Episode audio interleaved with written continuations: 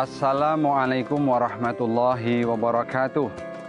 Sehat ala Rasulullah bersama saya Dr. Sakiran di RTV. Sahabat sekalian, banyak pasien yang datang kepada saya di awal bulan Ramadan. Dok, saya sakit mah.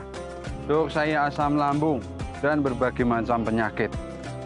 Yang kebanyakan orang kemudian atas dasar itu dia nggak berpuasa sahabat sekalian, saya yakinkan, bismillah ya, Ramadan tahun ini harus kita rubah mindset.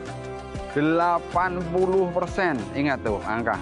80% orang sakit asam lambung orang sakit mah itu karena fungsional. Dan kalau fungsional artinya sangat dipengaruhi oleh kuatnya pikiran.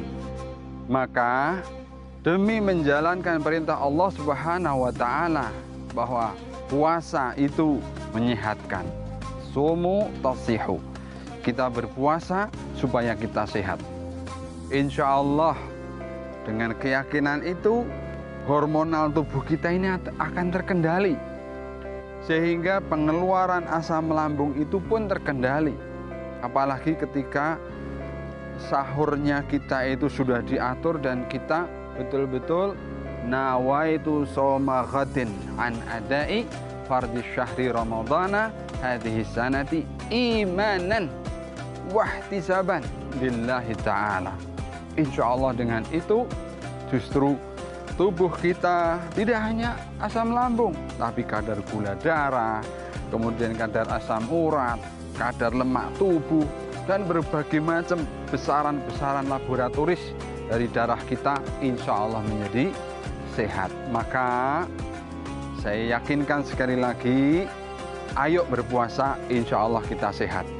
Dan hanya 20% yang betul-betul dokter itu akan merekomendasi bahwa yang bersangkutan itu sebaiknya tidak berpuasa. Nah, yang mana itu? Yakni yang memang secara anatomis, secara struktur itu sudah mengalami tuka, mengalami luka. Bahkan saya pernah melakukan operasi, saya buka perutnya dan betul-betul lambungnya itu bocor.